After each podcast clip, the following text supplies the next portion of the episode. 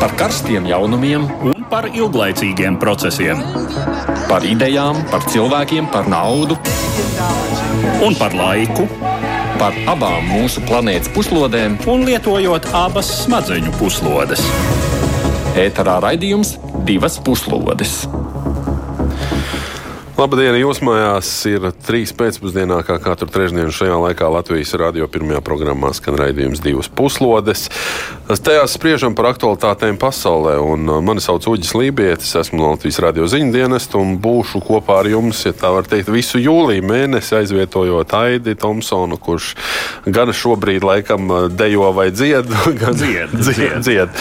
Uh, gan arī pēc tam pelnīt atpūtīsies, un, protams, kā arī dzirdējāt, līdzās ar mani mani studijā ir arī otrs šī raidījuma veidotājs Edvards Liniņš. Sveicināti! Labdien! Un uh, turpmākās stundas laikā mēs kopā ar dažādiem ekspertiem plašāk runāsimies par šādām tēmām. Pēc Jāņos piedzīvotā Krievijas militārā grupējuma Wagnera grupa gājiena uz Maskavu, gan grupējuma līderis Jevgeņijs Prigožins, gan viņa kaujinieku vienības patvērumu radušas Baltkrievijā. Tas rada bāžas un diskusijas par to, kādi varētu būt šī grupējuma turpmākie plāni, gan varbūt Ukrainas ziemeļdaļā, gan arī plašākā reģionā, kas atrodas arī tiešā Latvijas tūmā. Nedēļas sākumā sācinājās diskusijas eh, par bijušā Grūzijas prezidenta, tagad Ukraiņas pilsoņa Mihaila Sakašvili veselības stāvokli. Atrodoties ieslodzījumā, Sakašvili pamatīgi zaudējis svaru, viņa radiniekiem izsakot pieņēmumus par apzinātu saindēšanu un faktiski valsts varas atbalstītu spīdzināšanu. Šī situācija jau ir izraisījusi attiecību sāsināšanos arī starp Ukrainu un Grūziju. Un pagājušajā nedēļā notikušās plašās protesta akcijas un nemieri Francijā, kas sekoja kāda jaunieša nogalināšanai policijas pakaidzīšanās laikā, ir kārtējo reizi sašūpojuši Francijas prezidenta Emanuela Makrona krēslu. Prezidentam nākas rūpēties gan par kārtības atjaunošanu valstī, gan arī atzīt, ka šādas sadursmes izgaismo iesīkstējušas problēmas sabiedrībā.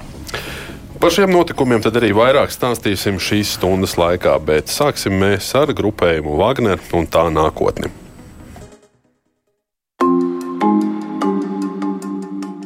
Pirmdien pēc nedēļas ilgas klusu ciešanas publiskajā telpā atkal parādījās privātās militārās kompānijas Wagnera grupa vadonis un pusotru dienu ilgušā dumpja sarīkotājs Jevgenijs Prigožins. Balziņā sociālajā tīklā Telegram viņš pauda: Es gribu, lai jūs saprastu, ka mūsu taisnīguma marša mērķis bija vērsties pret nodevējiem un mobilizēt mūsu sabiedrību. Esmu pārliecināts, ka jau tuvākajā nākotnē jūs redzēsiet mūsu uzvaras frontē. Paldies, puiši!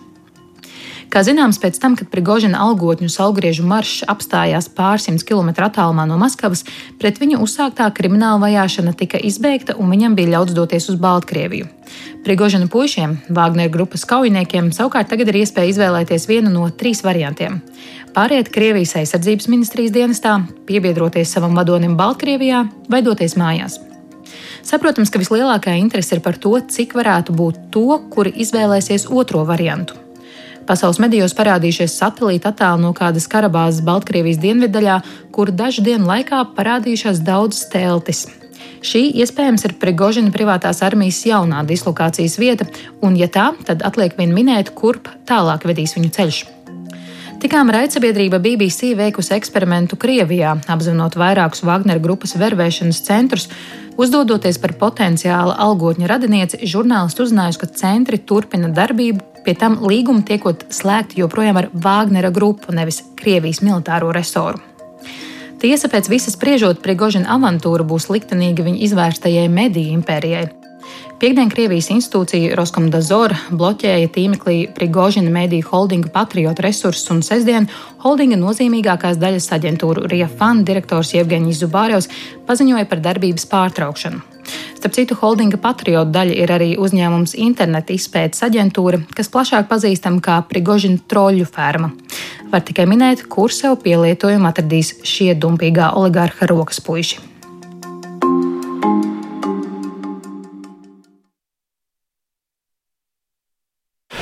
Šodien mums ar Eduardu studijā pievienosies arī laikraksta dienas komentētājs Andris Sedlnieks. Sveicināts! Sveicināts! Es tā kā esmu pievienojies. Jā, bet uh, Andris nav un nebūs arī mūsu vienīgais sabiedrotais. Šajā brīdī attālināti esam sazinājušies arī ar Nacionālo bruņoto spēku majoru Jānis Lēdiņu. Labdien!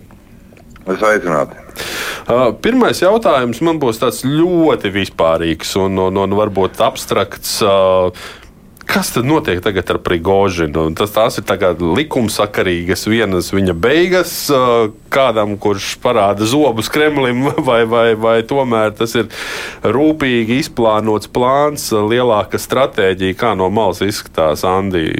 Tev došu pirmo vārdu. Uh, es teiktu, ka tur ir Par plānu es negribētu runāt. Es nedomāju, ka tāds plāns tur kāds īpašs pastāv. Es domāju, ka uh, pilsonis Prigožins tiešām bija, vai biedrs Prigožins bija tiešām pārvērtējis savas iespējas un savu nozīmīgumu. Ja, jo nu, viduslaika Itālijā algotņu komandieris varbūt varēja būt līdzvērtīgs aizsardzības ministram, bet nu, mūsdienu Krievijā diezin vai. Ja, un es domāju, ka nevienā citā valstī. Ja.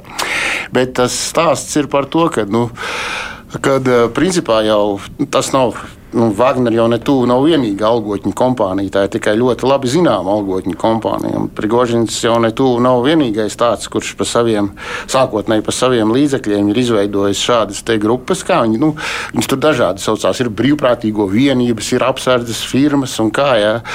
Bet, bet kur galvenais pasūtītājs ir tieši varas iestādes. Ja? Bet, nu, viņi tur paklusām, tur Āfrikā un ko viņi, protams, nu, pat nepaklusām. Viņi tur ņem arī privātos kontraktus, ja? bet absolūti galvenais galvenais pasūtītājs ir varas iestādes. Un tā stāsts ir par to, ka principā jau tas pasākums, raugoties no Maskavas viedokļa, darbojās efektīvi. Tagad tur ir pilna teikt, specifiska analītika par to, ko, kā tagad darīt, ja, lai saglabātu visu to, tur, nu, to iet, ietekmi Āfrikā, lai saglabātu šīs, šādu vienību. Nu, tur nav noslēpums, ka tur savācās ļaudis, kas privātajā dzīvē iedarās ļoti slikti. Ja, toties viņi lieliski karo un ir gatavi nolikt savus galvas. Kaut vai pat, varbūt pat ne Krievijas vārdā, bet vienkārši tāpēc, ka eh, viņiem savādāk nav kur likties. Ja? Viņi savādāk neredz dzīves jēgu. Un tad tagad tur tiek risināts tas jautājums. Ja? Vēl viena lieta ir šīs Prigožina visas tās finanšu struktūras. Ja? Viņas jau ir ļoti plašas, izplatītas un kā. Un, un principā es saprotu, ka tas ir doma atstādināt tieši Prigožinu, distancēt, ja? nodot viņu Baļķis Lukašenko gādīgajā pieskatībā, jo pie Lukašenko tu tur viss daudz nepatīk dancos. Ja? Tā teikt, un, eh, bet, bet pašas tās struktūras iespēju robežās saglabāt. Un es saprotu, rudenī viņi grasās izstrādāt īpašu likumu, kur ir paredzēta kontroli stiprāk, ka tie algotņi varētu tikt arī beidzot pēc ilgiem gadiem legalizēti. Un tas apmēram tā. Bet pats Prigožins nu, no Krievijas politikas un kādas ietekmes Krievijas politikā, es domāju, viņš ir svītrots neatgriezeniski uz visiem laikiem. Flomaster. Es gribētu, Laidiņa kungs, jums prasīt tomēr par to nu, daudz satraucošo militāro aspektu. Nu, viens no viedokļiem bija, ka daļa no Wagneriešiem varbūt pat šāda ļoti atklāta gāja gājiena aizsegā varētu pārvirzīt uz Ukrainas ziemeļdaļu, tādējādi kaut kādā veidā ietekmējot šo militāro operāciju. No otras puses, varbūt bija nepieciešams izgaismot, kuras tad ir tās neusticamās militārās vienības Krievijas armijas ierindā, nu, rindās, lai ar tām kaut kādā veidā tiktu galā. Kā jūs komentētu šo visu notiekošo, kas ir? Kā, ko tas ir izmainījis, nezinu, spēku samērā, attieksmes ziņā? Nu, būtībā, ja mēs runājam par šo Prigožinu taisnības maršu, ja fakti ir redzami, ja ir daudz dažādu pieņēmumu, kas un kā, bet kas īsais tā stāv un kādi vēl būs jaunumi, tos mēs vēl uh, tikai dzirdēsim. Nu, jā, un par pašu Prigožinu šo spēku izvilkšanu Ukraiņas frontes, tas nav nekādā uh, Uh, mainījis uh, kaut kā spēku samēru. Ja. Uh, zināms, ka daudzi ir no viņa kaujiniekiem pievienojušies, parakstījuši līgumus ar Krievijas aizsardzības ministriju, kāds ir varbūt tāds atvaļinājies. Ja. Un uh, daļa it kā pārcelšoties uz Baltkrieviju, lai gan šobrīd vēl nav neviena uh, vizuāla pierādījuma, kad uh, Wagner kaujinieki būtu ieradušies Baltkrievijas teritorijā. Uh, Andris pirms brīža minēja, ka varbūt arī par to pašu Prigožinu, nu, ka uh, nonākot uh, Lukašenko pāraudzībā, pār viņiem varētu būt lielāka kontrole. Man bija radās tieši jautājums, kādu lomu varētu Vāgneriešu šis grupējums kā tāds uh, potenciāli spēlēt Baltkrievijas iekšienē, vai tas vispār ir iespējams no malas skatoties? Jā, nu iespējams, ka, protams, jāsaka Baltkrievijā ir to, ka arī Baltkrievu opozīcija un Ukraiņas bruņoto spēku sastāvā Karjera Kaļinovska pulks aicināja jā, un teica, ka viņi varētu sākt ar kļūt aktīvāk Baltkrievijas teritorijā. Ļoti iespējams, ka Lukašenko no tā baidās, ļoti baidās. Uh, zinot, ka uh, Baltkrievijas bruņotie spēki noteikti neiesaistīsies uh, kaujās, jā, jo armija nav īsti uzticīga. Nu, ļoti iespējams, ka šo kaujinieku viens no uzdevumiem būs teiksim, iekšējā drošība, apmācīt viņu speciālos spēkus, bet kaut kāda ietekme uz Ukraiņas kaujas lauku no ziemeļiem, nu, maz ticams. Jā. Nu, vienīgi tas, ka viņi varētu diversantu vienības saka, organizēt tādā veidā. Bet pagaidām nav Tik līdz, tik viņi parādīsies Baltkrievijā, tad varēs par to runāt. Nu, pašlaik ir liela jēga šo, kas būs un kad viņi tur būs. Tie nav pārcilvēki. Tie ir tādi paši cilvēki, ja varbūt labāk apmācīti, bet nevajag viņus pārvērtēt, eh, ka tas ir kaut kas dramatisks. Protams, viņus var iesaistīt. Viņi ir algotņi, viņi cīnīsies par naudu. Nevis vienkārši naudu, bet par lielu naudu. Ja? Un kur viņus metīs, nu, tas būs jāskatās, tik līdz viņi tur ieradīsies. Nu, pēc dažiem apgalvojumiem tiek uzskatīts, ka Wagner grupējuma algotņi varētu būt faktiski profesionālākie karotāji pasaulē uz doto brīdi. Kas jums liek domāt, ka Baltkrievijas armija nav īsti līdz galam varbūt lojāla Lukašenko režīmam? Nu, par to jau vien liecina tas, ka uh, Putins visu laiku mēģināja ievilkt uh, Baltkrieviju atklātā militārā konfliktā. Nevelti Lukašenko bieži vien brauc uz uh, Maskavu, ja, un Baltkrievu opozīcijas uh, informācijas kanāli ziņoja, ka viens no galvenajiem uzdevumiem noteikti bija pārunas, lai Baltkrievija iesaistītos uh, kara darbībā. Ja, bet, un otrs fakts bija tas, ka ļoti daudz Krievijas federālā drošības dienesta cilvēki strādāja Baltkrievu Baltkrievu vienību komandieriem. Un vienīgais, ko viņi varēja izdarīt spiedienu, tas ir tikai uz iesaisti karā. Jā. Bet, kā redzams, nu, tas nav izdevies. Šajā brīdī teikšu paldies Nacionālo bruņoto spēku majoram Jānim Slaidiņam. Paldies par jūsu komentāru, bet mēs turpinām diskusiju šeit pat studijā jau izskanēja tas, ka Prigožins kā nu, ietekmīgs vai ietekmes personāžs visā plašajā sistēmā faktiski tiek. Krieviski ir tas vārds nonullēts gandrīz, ja tā var teikt. Kādu tas signālu, Edvards, tavuprāt, dod pārējiem varbūt eh, zobus rādīt gribošiem, eh, Kremlim pietuvinātiem cilvēkiem? Nu, jāsaka gan tā, ka Prigaužins savā ziņā bija unikāls. Neviens cits tā eh, neatļāvās rādīt zobus, nerunājot par Krievijas militāro resoru.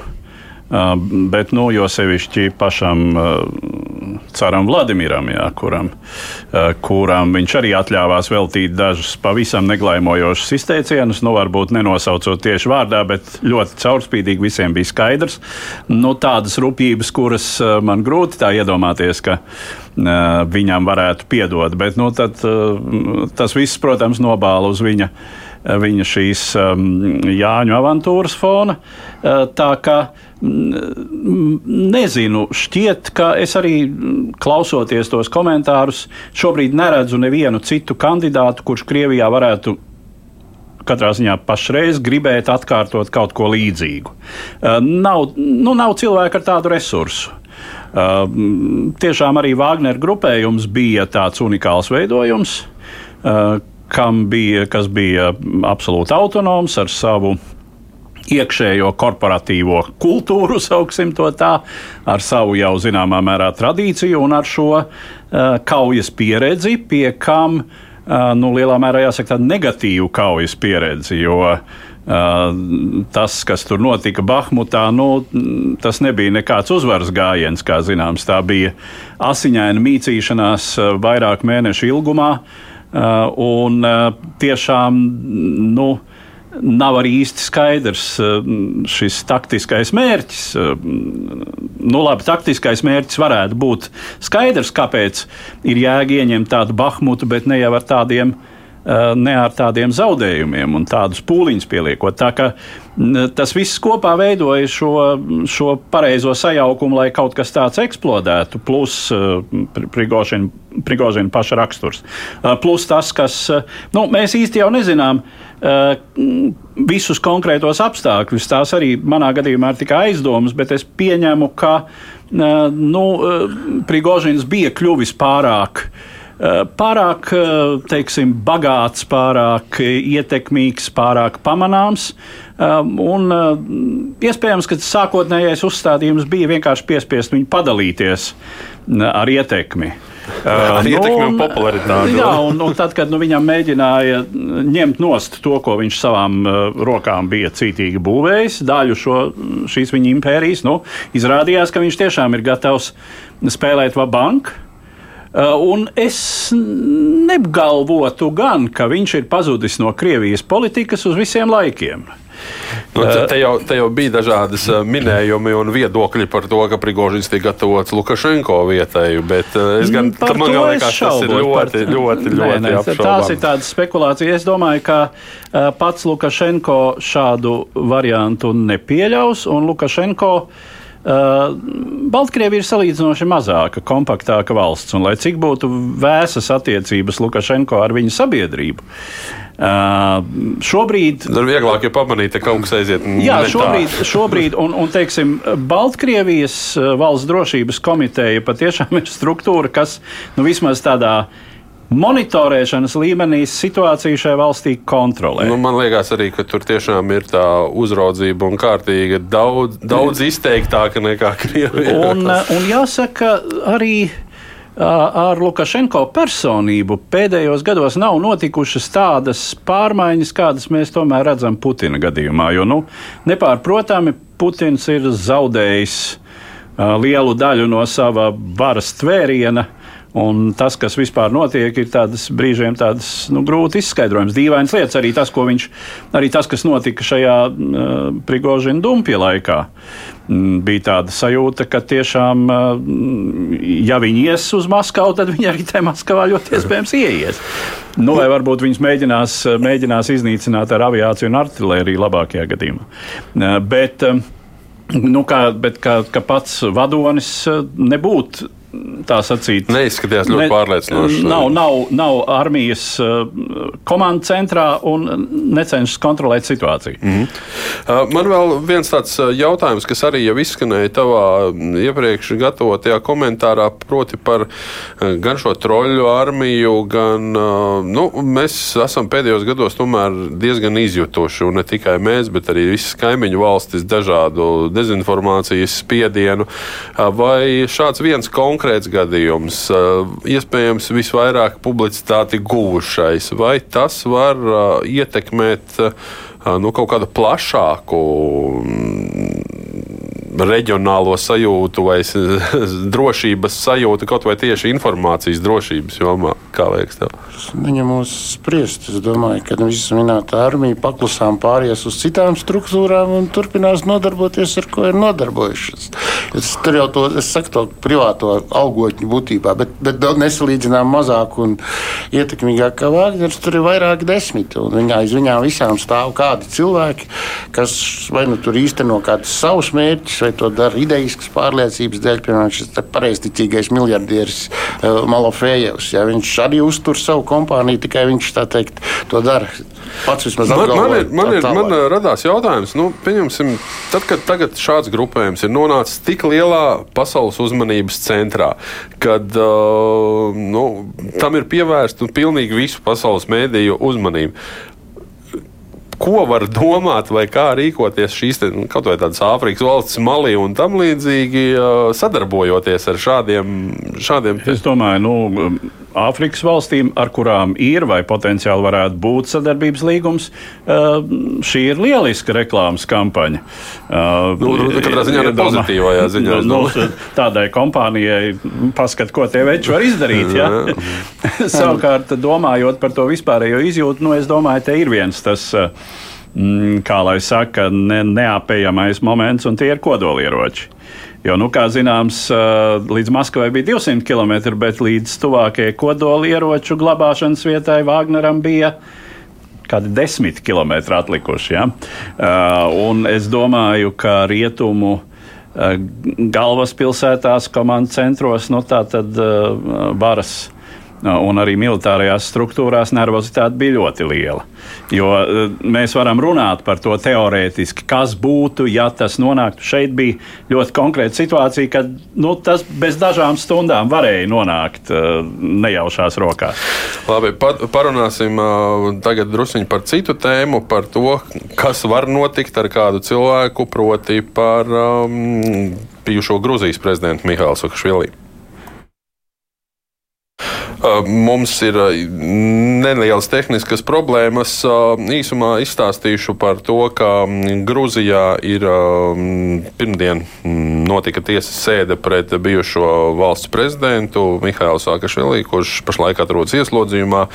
Un sazinoties ar tiesas sēdi bija diezgan Nu, Tādi sašutumu rai, raisoši uh, skati, proti, kā tas tika uzrakstīts, īsta Aušvica, jo um, Mihails Sakašvili, šis 1,95 cm garais vīrs, kurš agrāk svēra 115 kg, tagad uh, svēra mazāk par 70 kg, varbūt pat um, kaut kur ap 60, 65.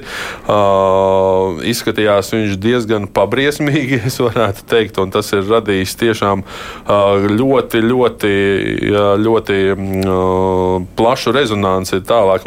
Tagad mums ir pareizais ieraksts, un to tās vēlreiz noklausīsimies.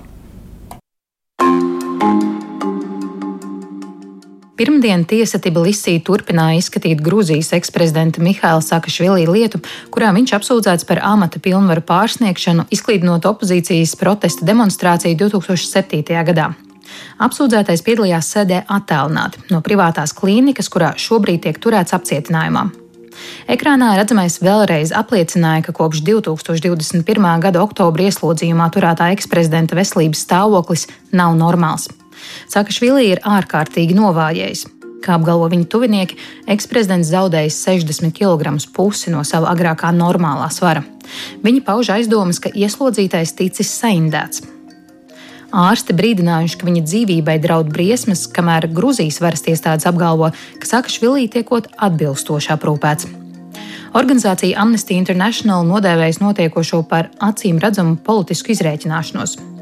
Visasāk uz notikušo reaģējusi Ukraina, kuras pilsonis Mihāls Sakašvili ir kopš 2015. gada.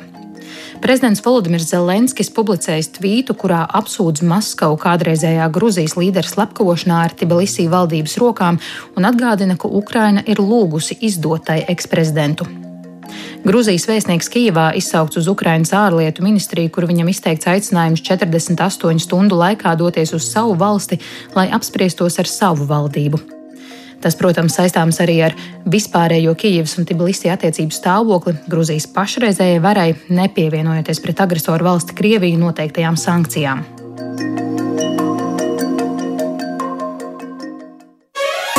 Divas puslodes!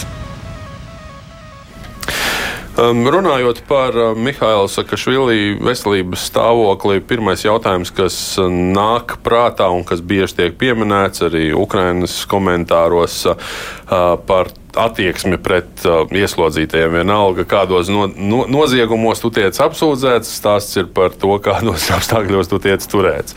Uh, Andi, tu esi pats pirms raidījuma arī minēji, ka es, esi bijis Grūzijā, un, un, un kā tev tas viss izskatās?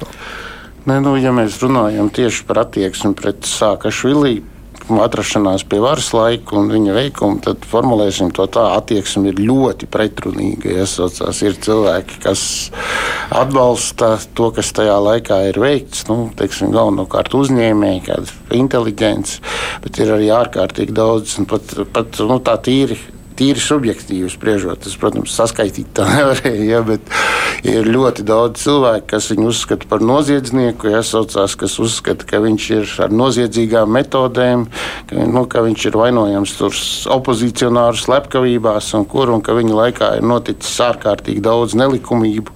Nu, protams, pirmkārt jau īpašumu pārdales, ja, un ka šī iemesla dēļ viņam ir tā teikt, jo, jo viņš ilgāk sēdēs cietumā, jo būs labāk. Ja.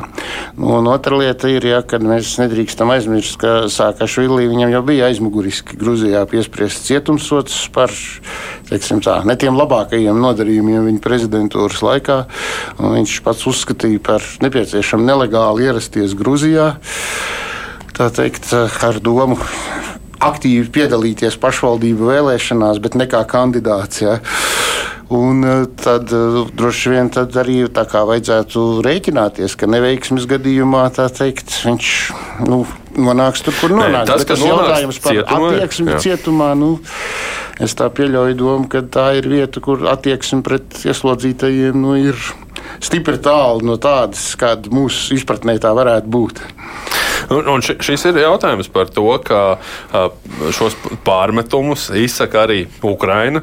Ukraina, nu, faktiski, kas pašreizējos ļoti sarežģītajos ģeopolitiskajos apstākļos ļoti mērķtiecīgi cenšas virzīties pretī rietumiem, kurai pašai arī nu, nebūtu nav spīdoši ar cilvēktiesību situāciju.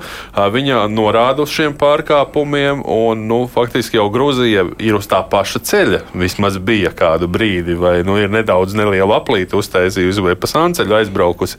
Bet tā, šīs ir valstis, kas uh, ir nu, uz viena ceļa. Uh, vai tas nozīmē, ka mēs varam runāt par jau diezgan radikāli atšķirīgu izpratni par, par, par, par šādām vērtībām? Nu, jautājums ir par ko tieši mēs runājam. Mēs runājam par sabiedrību kopumā. Nu, dzirdējām, nu pat, ko uh, kolēģis uh, saka, vai ne? Tā tad uh, tas tiek vērtēts dažādi. Droši vien nu, mēs jau arī no savas sabiedrības piemēra visnotaļ varam spriest, ka atbalsts Eiropas teiksim, šai. Lat Sākot ar to, ka atbalsts Latvijas klātbūtnē Eiropas Savienībā, esībai Eiropas Savienībā Eh, nav uh, absolūti monolīts un viennozīmīgs. Tur jau arī mēs esam dzirdējuši daudzus un dažādus viedokļus. Šobrīd varbūt uh, tas atbalsts ir kļuvis nepārprotamāks, saprotot tomēr lielākai sabiedrības daļai, ar ko draudētu atrašanās ārpus Eiropas Savienības pašreizējos ģeopolitiskajos apstākļos. Bet pagātnē mēs atceramies, ir bijis dažādi, un nu, tāpat arī Ukraiņas sabiedrībā. Nu, tā jau arī ir faktiski svārstījusies šurpu turpu ļoti pamanāmi, kad teiksim, pēc tās pašas tās augtās oranžās revolūcijas, kas bija viens tāds nepārprotams solis, nu, teiksim, integrācijas Eiropā virzienā, tajā brīdī pie pie varas nākušie spēki un, un personības pēc tam ļoti strauji zaudēja popularitāti, jo nu, kaut kur jau fonā visur ir tas. Mm, tā izjūta, ka tās vērtības tu uz maizītes neuzsmērēsi. Tā uzticība vērtībām dod rezultātu ilgstošā laika periodā, un, uh, bet nevis tūlītēji efektu, ko, ko katrs sajūt savā acīm. Tas uh, līdz ar to ir jautājums par šo pašreizējo Grūzijas režīmu, par pašreizējo valdību, kas bieži vien tiek arī apsūdzēta par kontaktiem ar Krieviju vai vismaz ietekmi no Krievijas Jā. nākoši. Tas nozīmē, ka šis pašlaik to sviestiņu uz maizītes spēj nodrošināt. Nu, teiksim tā, viņi ir ļoti pragmatiski. Un es neteiktu, ka viņi tur ir kādā lielā Krievijas ietekmē. Viņi vienkārši pragmatiski cenšas izmantot situāciju savā labā. Ja, ja tu vari tā teikt, ja tu, ja tu zini, ka tur atbrauks lielāks skaits Krievijas turistu, tad apmēram kāpēc viņi neatbraukt? Jo to citu turistu, kas uz turieni brauc, Nav jau nav vienkārši. īpaši daudz. Jā, saucās. Tur vēl ir kaut kādi irāņi, indieši, pretam ķīnietim, bet Eiropas turisti jau tur ir ļoti maz. Jā. Tā teikt, nu, un tad, ja tur var atbraukt uh, daži desmit vai simt tūkstoši Krievijas turistu, es nedomāju, ka tas skaitlis tagad tur ir tāds. Ja, tad kāpēc lai viņi neatbrauktu? Jā.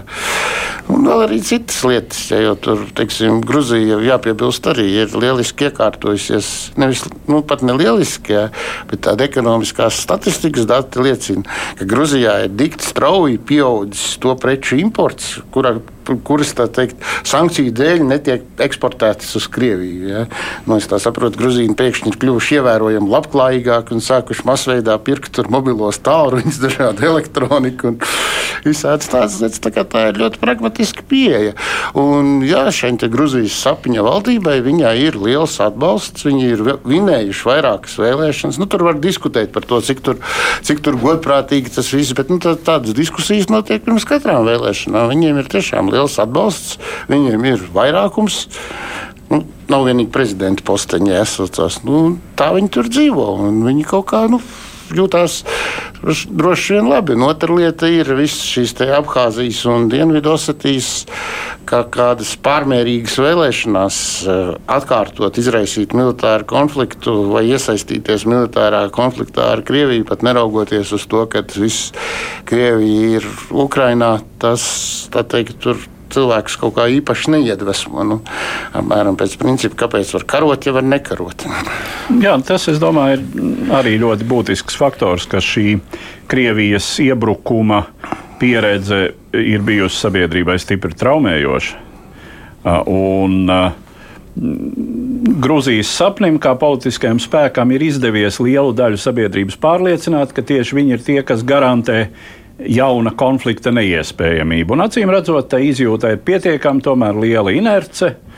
Uh, neskatoties uz visu to, kas notiek ar Krieviju Ukrainā, nu, nu, teiksim, pagaidīsim, protams, kad būs nākamās parlamentu vēlēšanas Grūzijā, kāds tur būs tas spēku samērs un Uh, un uh, kāds būs sabiedrības noskaņojums, droši vien, ka tas arī būs ļoti atkarīgs no tā, kādā fāzē, kādā uh, situācijā tobrīd atradīsies Ukrainas kara darbība Ukrainā. Bet šobrīd nu, tā tas ir, jā, ka mm, šim mm, pašreiz valdošajam spēkam izdodas saglabāt to esošo politisko inerci sabiedrībā, uh, kas ir vairāk vai mazāk tam par labu. Nu, īsnībā atliek vien cerēt, ka Mihailam Sakašvili ar šo būs izdevies pievērst uzmanību, lai vismaz nodrošinātu Labāks savas pusdienas, labākas pusdienas uz kādu brīdi, lai cik tas varbūt izklausītos neiecietīgi šajā brīdī, bet nu, sabie, starptautiskā sabiedrības uzmanība ir pievērsta. Nu, cerams, ka tas kaut kādā veidā atstās ietekmi pozitīvu arī uz viņa vienkāršu veselību un izdzīvošanu. Bet te liekam punktu Gruzijai un, starp citu, arī par eiropeiskām vērtībām runāsim arī Francijas kontekstā. Vairāk nekā miljards eiro zaudējumu uzņēmumiem, valsts iestādēm un privātpersonām, vairāk nekā 1100 nodedzinātu vai bojātu ēku, vairāk nekā 1000 izlaupītu, izdemolētu vai aizdedzinātu banku filiāļu, veikalu, kiosku, pasta nodaļu, vairāk nekā 5600 sadedzinātu automašīnu, vairāk nekā 3300 arestēto, 700 cietušo, viens bojāgājušais. Tāda ir bilance nekārtībām, kuras uzliesmoja Francijā pēc tam, kad 27. jūnija rītā Parīzes piepilsētā dzīvību zaudēja 17-gadīgais Nails Marzuks, Ziemeļāfrikas izcelsmes imigrantu atvase.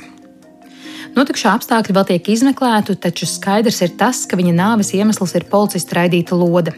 Jaunais cilvēks lielā ātrumā stūrēdams Mercedes ar polijas numuru zīmēm pa sabiedriskā transporta joslu nepakļāvās policijas patruļas prasībai apstāties, vairāk kārt pārkāpa satiksmes noteikumus, līdz gal galā bija spiests apstāties satiksmes sastrēguma dēļ.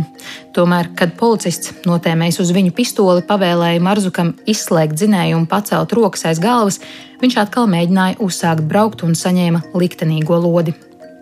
Jau tās pašas dienas vakarā sākās nekārtības, kas pārņēma ne tikai piepilsētu, pēc tam Parīzi un tās apkārtni, bet izplatījās arī citur valstī, tā skaitā Francijas aizjūras īpašumos. Nekārtību dalībnieku uzbrukumiem policijas iecirkņiem, bet arī citām valsts un pašvaldības iestādēm, veikalu un citu komerciestāžu postīšanas motīvs, protams, bija arī zakšana un vandālisms.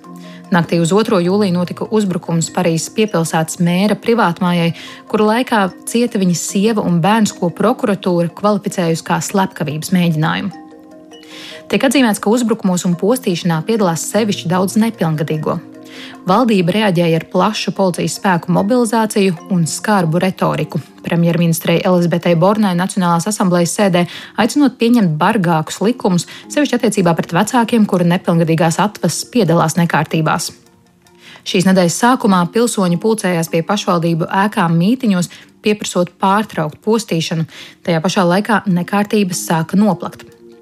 Īpašu uzmanību izraisījušas līdzekļu vākšanas kampaņas, kuras uzrāda zināmas tendences. Kontā, kuru labējais politiķis Žants Mesjā atvēra atbalsta vākšanai Marzuku nošaušā policista ģimenei, visai drīz tika savākt vairāk nekā miljons eiro. Tikmēr nošautā ģimenei savāktais atbalsts ir apmēram 350 tūkstoši.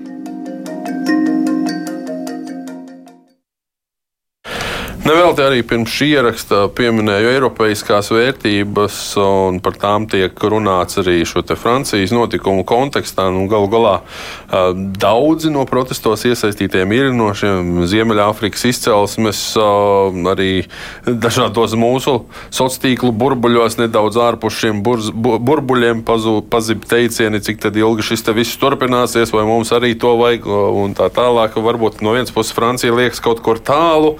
Bet uh, no otras puses, mēs arī to kaut kā izjūtam. Nezinu, vai tāpat kā frančūži vai savādi. Nu, droši vien kā eiropieši par to, ka jā, nu, tie ir cilvēki no citas kultūras, ar citu dzīves redzējumu, lai gan droši vien ka, uh, tas, ka tie ir citas kultūras, citā, uh, teiksim, ar citām reliģiskajām saknēm un tā tālāk, ļaudis neizsmeļ šo problēmu. Tur, protams, ir arī mm, daudz salīdzinoši nesenākā laikā radušās problēmas, kas, nu, kas vienā vārdā, protams, ir sauc, saucamas par integrācijas problēmām. Es domāju, līdz tam mēs atgriezīsimies, bet es tagad gribētu, lai tu piesaki mūsu nākamo runātāju. Jā, Viktorija Strasdas, Parīzē dzīvojoša, savulaik bijušajā Padomju Savienībā dzimusi, bet nu jau pārdesmit gadus dzīvo Francijā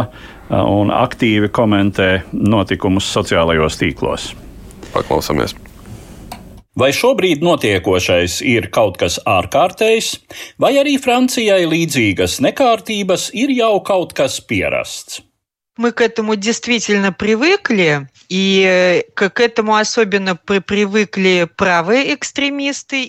Mēs pie tā tiešām esam pieraduši, un īpaši pieraduši ir labējie un kreisie ekstrēmisti, jo viņi gūst no tā tiešu politisku labumu. Vieni un otri sāk no tā savas spekulācijas. Vienīgais šoreiz tas viss pilnīgi negaidīti ir iegūst kaut kādus šausmīgus apmērus. Ja, piemēram, pagājušajā reizē es teicu, ka dzīvoju tādā rajonā, kur tas viss neskar, tad šoreiz arī mūsu rajonā tika dedzināts automašīnas.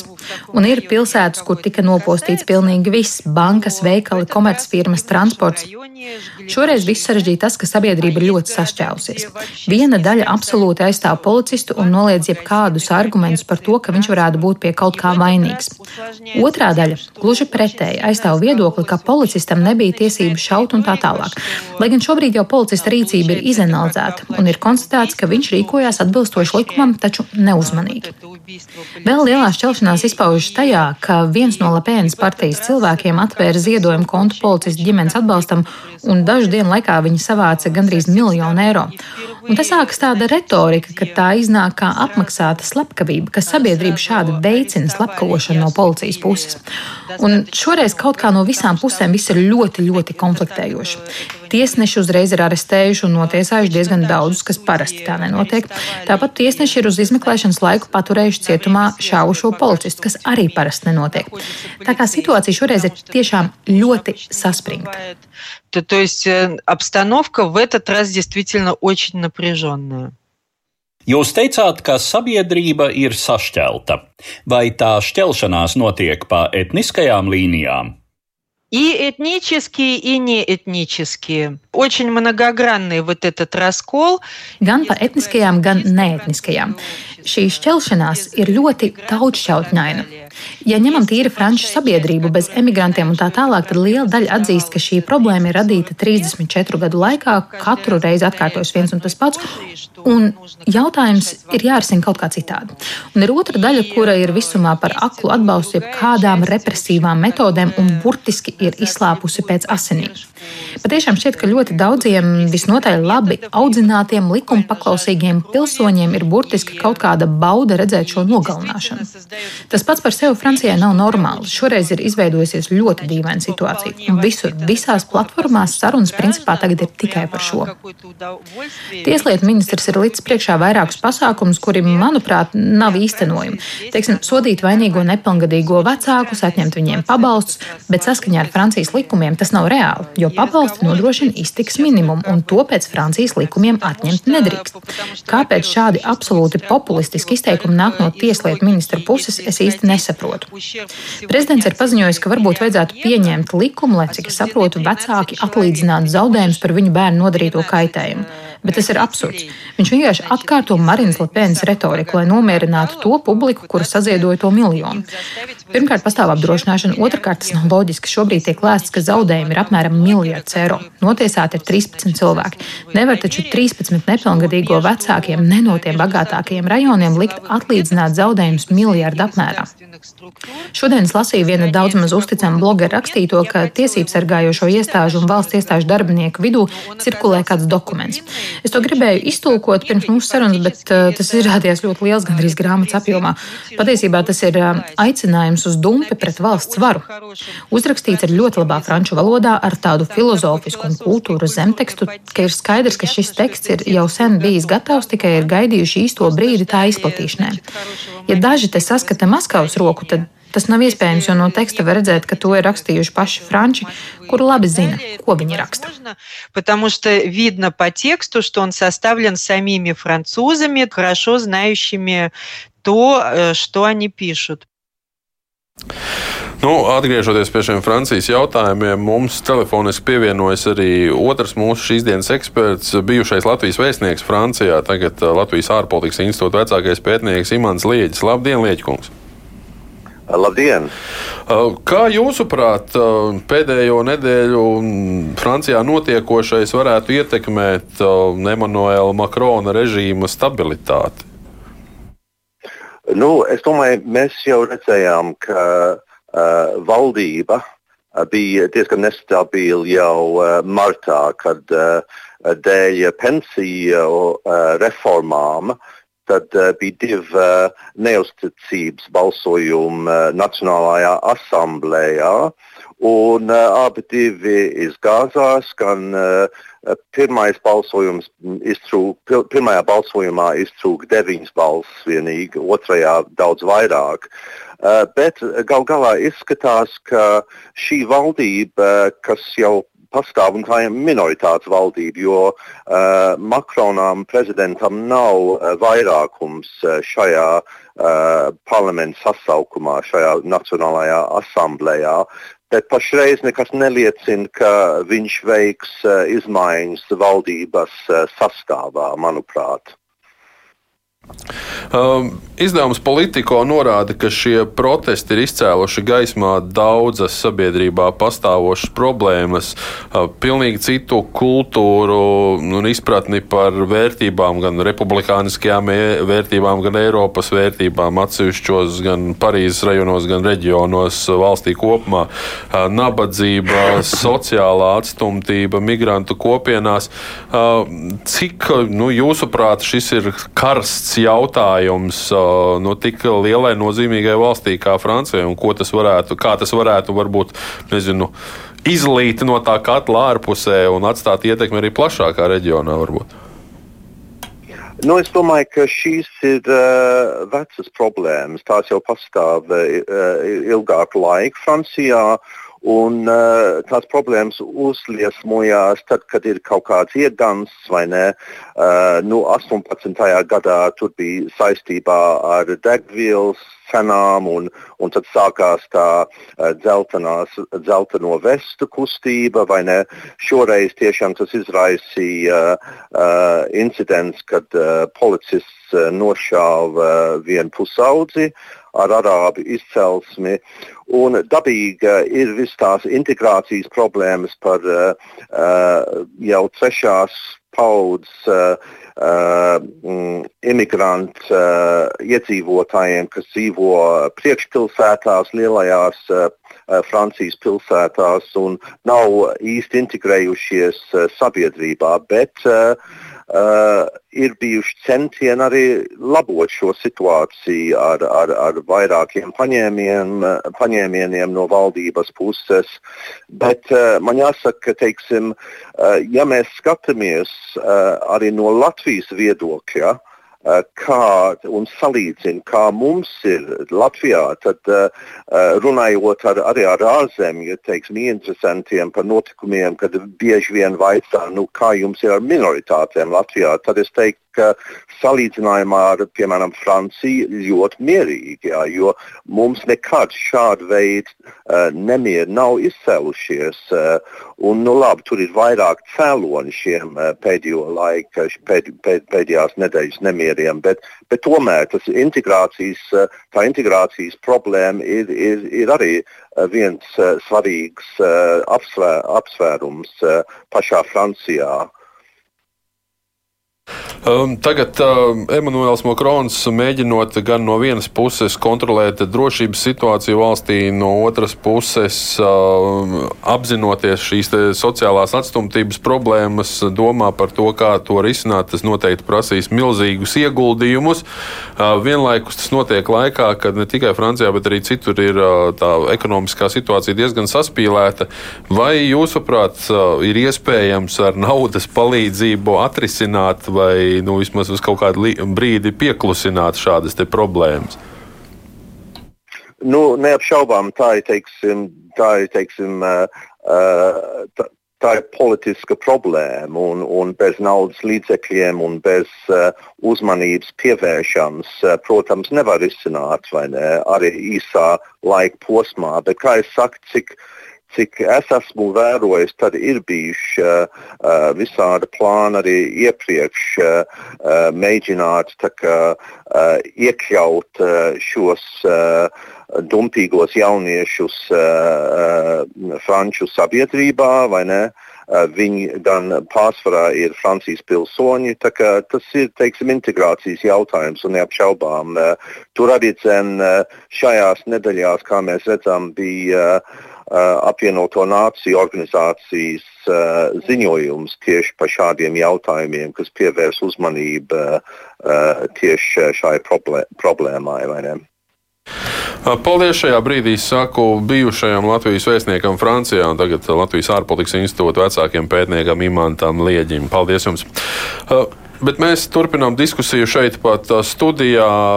Kā jau dzirdējām, integrācijas problēma. Nu, citu, nu, citu kultūru, kopienu integrāciju sabiedrībās, tas ir, ir problēma, izaicinājums faktiski gandrīz visām Eiropas valstīm.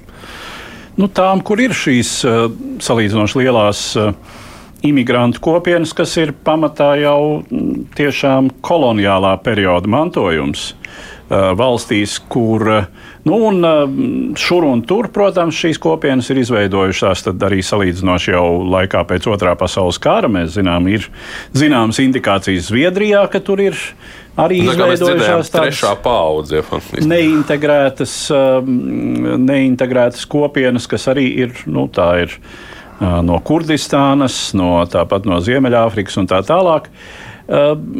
Nu, ar, ar Latvijas gadījumu, teiksim tā, ja man ir jārunā par kopīgo un atšķirīgo, tad nu, eh, bija mums arī, eh, kā zināms, eh, nemieri vecrīgā 2009. gada 13. janvārī. Tas ir tas trakākais, kas mums ir bijis varbūt no tādas postīšanas un graušanas viedokļa. Bet mēs šeit nevaram runāt par. Um, tas, kas ir par... kopīgs, ka, ka tur, tur arī bija daudz teiksim tā, sadūlojušos un uz plosīšanos priecīgu jaunu ļaužu.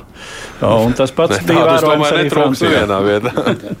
nē, nē, visādi nemierīgi dvēseli nekad nav trūcis nevienā sabiedrībā. Bet šajā gadījumā runa ir par tas, tas ir, tā, tie ir tiešām tie ir cilvēki no citas kultūras, kas ir, nu, es pat lietotu vārdu, savu veidu neaizskaramo kategoriju. Tādā ziņā, ja, kā, nu, kā tas sociālais neaizskaramo fenomens. Tie ir liekie cilvēki, kas pastāv paralēli sabiedrībai. Un ko ar viņiem iesākt? Ja? Nu, to ir grūti atzīt valstī, ka viņi viņus uzskata par liekiem. Ne, nu, to, pirmkārt, neviens nekad dzīvē neteiks, ja saucās drīzāk nožņauksies, un kur, mūs, kur, kur ko tādu var pateikt. Ja, bet, piemēram, tas ir, ir piemēram īrijas čigāni, saucamie īri čigāni. Viņi pēc tautības ir īri. Ceļotāji. Ceļotāji. Ja, tas ir pieklājīgi nosaukts par ceļotājiem. Ja. Nu, lūk, viņi tur pastāv, dzīvo, viņiem, viņi tur ar valsti saskarās tikai pabalstu saņemšanas brīdī. Ja viss pārējais viņi dzīvo tāpatās. Un šī ir, un viņi ir no vienas kultūras, ja viņi ir viena tauta pie tam vēl. Ja. Šie ir cilvēki no pavisam citas kultūras, pēc būtības no citas civilizācijas. Un viņi arī ar Francijas valsti saskarās tikai pabalstu saņemšanas brīdī. Ja? Sauksim jau nu lietas īstajos vārdos un neliekuļos. Mm. Ja? Un viņi dzīvo teikt, tur, ar ko viņi nodarbojās. Tur varas iestādēm ir ļoti maz sajēgas, bet es domāju, ka tas ir skaidrs, ka likumīgi šīs nodarbes diezko nav. Ja? Nu, jā, nu, tā, protams, tas jau, nav, tas jau neatiecas absolūti uz visiem, bet nu, procentuāli jā, patiešām šajās islāma valstīs, no islāma valstu izcelsmes kopienās tas ir īpaši izplatīts, jo Francijā, protams, ir daudz citu imigrantu. Ir uh, imigranti no Indoķīnas, kuri ir daudz vairāk tendēti integrēties. Uh, ir uh, turku paliela kopiena, kas vispār ir teju vai tāda imigrācijas elite, kas ir no, apmēram tāpat kā. Tas atkal ir stāsts par to, Uh, nu, ja mēs runājam par eiropiešiem vai būšanu par eiropiešiem, tad uh, nu, cik tālu mēs izprotam to būšanu par eiropietiem? Vai tu esi eiropietis tad, kad tev tas ir izdevīgi, bet tu esi savā kopienā, tad, kad tev ir tiesības paust savu attieksmi, vai, vai tā? Nu, nu, tu pašā raidījuma beigās uzdod filozofisku jautājumu. Nē, es, es bet, tas, tas, tas, tas, ko es gribētu atzīmēt, un kas te arī izskan mūsu runātajā, uh, nu, ir zināma, teiksim, tiešām nervozitāte sabiedrībā. Un tās izpausmes, uh, ko mēs redzam, ka pārējai Francijas sabiedrībai uh, šis nav pieņemams, un tās, tā, tā vēršanās pret ieņem ar vien tomēr tādas pamanāmākas formas, tā skaitā tās, ko politiķi saka no parlamenta tribīnas. Nu jā, nu tas man liekas, ir atkal tuvojoties kaut kādam vēlēšanu ciklam, nākamajam. Nu, jeb, jebkuras šādas niansītas tiek pievilktas, un arī citās blakus esošajās valstīs viņas tiek pamanītas un attiecinātas uz savu, savu lietu. Un es domāju, arī gaidāmajās Eiropas parlamenta vēlēšanās mēs par to noteikti diezgan daudz ko dzirdēsim. Nu, ir jau arī tāda lieta, ka ir jau arī teikt, ļaudis, kas tur, kur senči tur ir dzīvojuši dzīvojuši gadsimtiem, un ir pavisam citādas krāsas, kas arī ir noskaņotas stipri radikāli. Ja? Un tur jau ir pirmās pazīmes, ka tā teikt, veidojās kaut kādas vietējās pašaizsardzības vienības tajā pašā Francijā, kas teikt, jau ir gatavs uh, ķerties pie apmēram tikpat radikālām metodēm, kā minētie demonstranti, lai teikt, pasargātu savus mājas un īpašumus. Un tas jau, par ko tas var izvērsties, tas ir ļoti labs jautājums. Nu, daudz viet gan to arī organizē vietējo pašvaldību vadītāji. Nu jā, nu, bet nu, katrā ziņā par tām karstajām galvām mēs jau tā varam vilkt paralēlis. Vienā vietā karstas galvas iziet ielās un demolē veikalus, citās karstas galvas noslēdz līgumus ar algoņu grupējumiem un iedara vēl riebīgākas lietas. Jāsaka, diezgan. Un šajā brīdī laikam man ir arī pienācis laiks mūsu šīs dienas programmu noslēgt. Paldies teikšu par iesaistīšanos diskusijā un komentēšanu laikraksta diena komentētājam, Mānim Sedlniekam. Paldies, ka atnāci. Un uh, šodien, uh, kā vienmēr, patīkami bija kārtībā reiz diskutēt ar Eduardu Liniņu. Arī, Man tāpat. Un uh, paldies arī, saku, protams, producentei Ievai Zeizai. Man sauc Uģis Lībijams. Mēs ar jums tiksimies jau pēc nedēļas, kad pilnīgi noteikti būs beigušies dziesmu svētki, bet pasaulē viss rit un notiek, un tad arī stāstīsim par jaunajām aktualitātēm.